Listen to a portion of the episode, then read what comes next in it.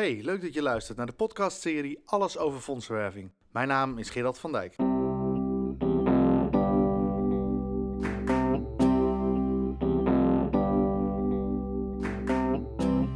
Je luistert naar een podcast van Krantio Fondsenwerving.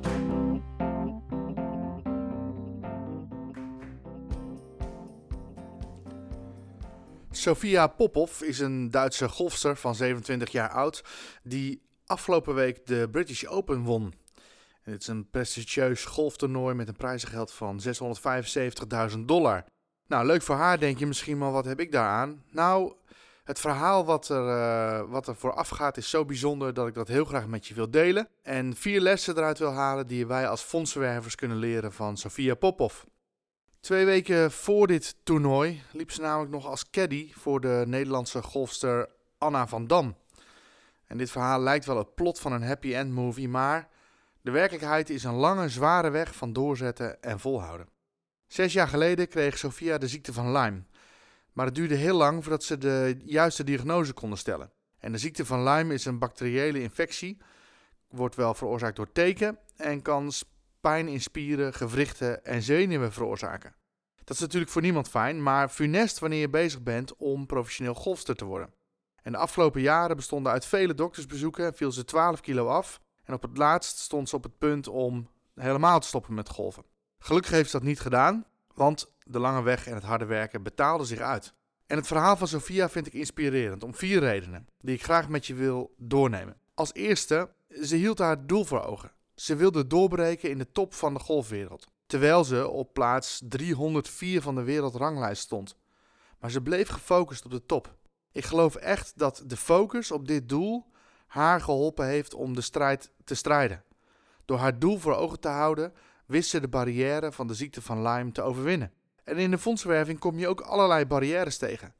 Mensen kennen je organisatie niet, je crowdfundingcampagne komt niet op gang, bedrijven willen geen samenwerking met je aangaan, je krijgt afwijzingen van fondsen op je aanvragen, een belangrijke ambassadeur stopt ermee en je kent zelf vast nog vele voorbeelden van barrières die jou tegenhouden. De ziekte van Lyme was voor Sophia een belangrijke barrière om niet mee te kunnen draaien in de top van de golfwereld. Maar toch hield ze haar oog daarop gericht. Dat was het doel waar ze voor bezig was. En wat wij hiervan kunnen leren, wat ik hieruit haal en ik hoop jij ook, is dat wij op het moment dat het tegen zit, dat we uh, het doel voor ogen kunnen houden waar we voor strijden. Uh, we werken voor prachtige goede doelen in Nederland of daarbuiten. En dat is het waard om dat doel voor ogen te houden en om daarin nieuwe kracht te vinden, uh, motivatie, doorzettingsvermogen om door te gaan op het moment dat het uh, moeilijk is. En dat is eigenlijk het tweede punt ook wat ik wil benoemen. Sophia ging door. De ziekte van Lyme kan heel heftig zijn, zeker voor een professioneel sporter, maar ze gaf niet op. En nu kent iedereen haar door deze overwinning. Maar in de afgelopen jaren wist waarschijnlijk niemand van haar strijd. En toch ging ze door. Of zoals de trainer van Bayern München, Hans-Dieter Flick, het zegt na het winnen van de Champions League: succes dat huur je. En je moet de huur elke dag betalen. Wat hij hiermee bedoelt te zeggen is dit: succes is geen eigendom, is geen status. Je kunt niet zeggen: nu weet ik hoe ik succes, succes heb en nu hoef ik er niet meer voor te werken. En dat bedoelt hij met: je moet elke dag de huur betalen. Nou, dat heeft Sophia gedaan. Zes jaar lang vocht ze tegen de ziekte van Lyme en uiteindelijk overwon ze en won ze zelfs de British Open. Het derde wat wij kunnen leren van Sophia is dat ze diep gegaan is. Heel diep. Niet alleen in de directe strijd met haar gezondheid, fitheid en vorm, maar vooral door als caddy de baan op te gaan. En natuurlijk had ze zelf willen spelen op dat bewuste toernooi, in plaats van de tas van een ander te dragen. Maar dit laat zien welke prijs ze bereid was te betalen. De liefde voor de sport zorgde ervoor dat ze bereid was diep te gaan, zonder de garantie op beloning. En ik weet niet wat dit met jou doet, maar mij raakt het. En de vraag die het bij mij oproept is ook: hoe diep kan ik gaan?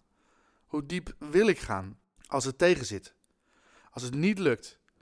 Als mensen je misschien wel nawijzen omdat je de tas van een ander draagt? Hoe diep wil je gaan? Ik heb voorheen, toen ik nog in de IT werkte, veel gedaan om mijn targets te halen.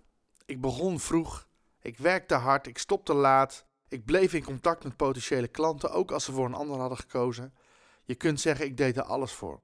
maar uiteindelijk gaf het me geen voldoening. En nu ik voor goede doelen mag werken, helpt het me om regelmatig te bedenken: waar doe ik het voor? Wie is er mee geholpen als we deze baten kunnen realiseren?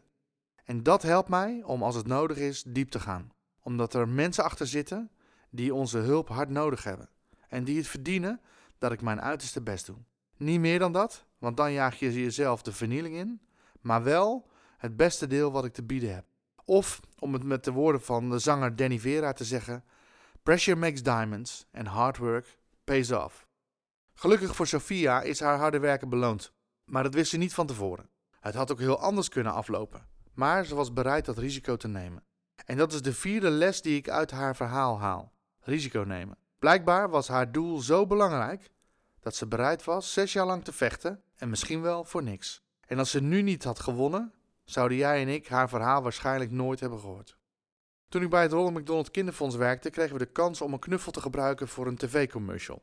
De producent van deze knuffel bood aan dat we deze knuffel ook voor andere doeleinden mochten gebruiken.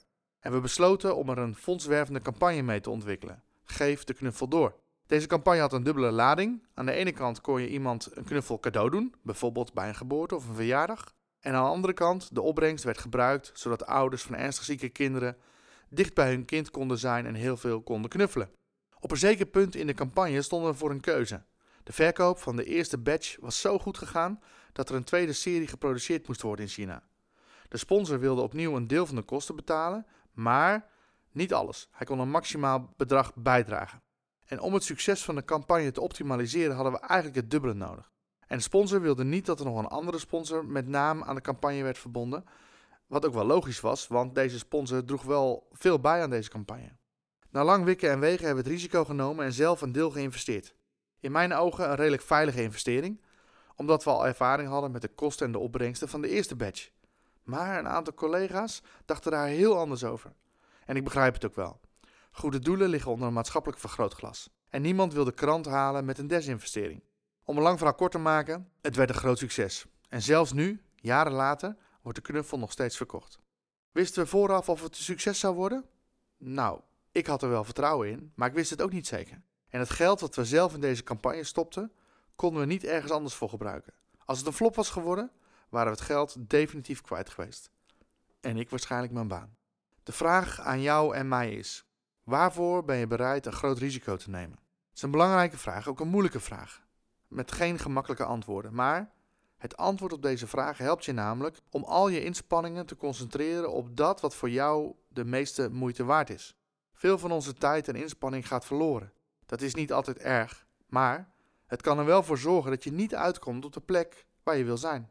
Als je weet waar je een groot risico voor wilt nemen, dan geeft het je perspectief in het maken van keuzes. Je gaat zien wat belangrijk is en wat niet belangrijk is. Je gaat je tijd, energie, inspanning, geld en andere keuzes opleiden daaraan. Sophia was zelfs bereid om de tas van een ander te dragen. Het kan haast niet anders dat ze dat deed uit liefde voor de sport en de bereidheid om alles te doen wat nodig was om uiteindelijk de British Open te kunnen winnen. Nou, ik hoop dat dit verhaal van Sofia Popov jou net zo inspireert als dat het mij doet. En dat het je helpt om je doel voor ogen te houden, door te zetten als het moeilijk is, diep te gaan wanneer het nodig is en risico's te nemen. Ontzettend bedankt voor het luisteren en graag tot de volgende keer. Voor meer informatie ga je naar grantioe.nl.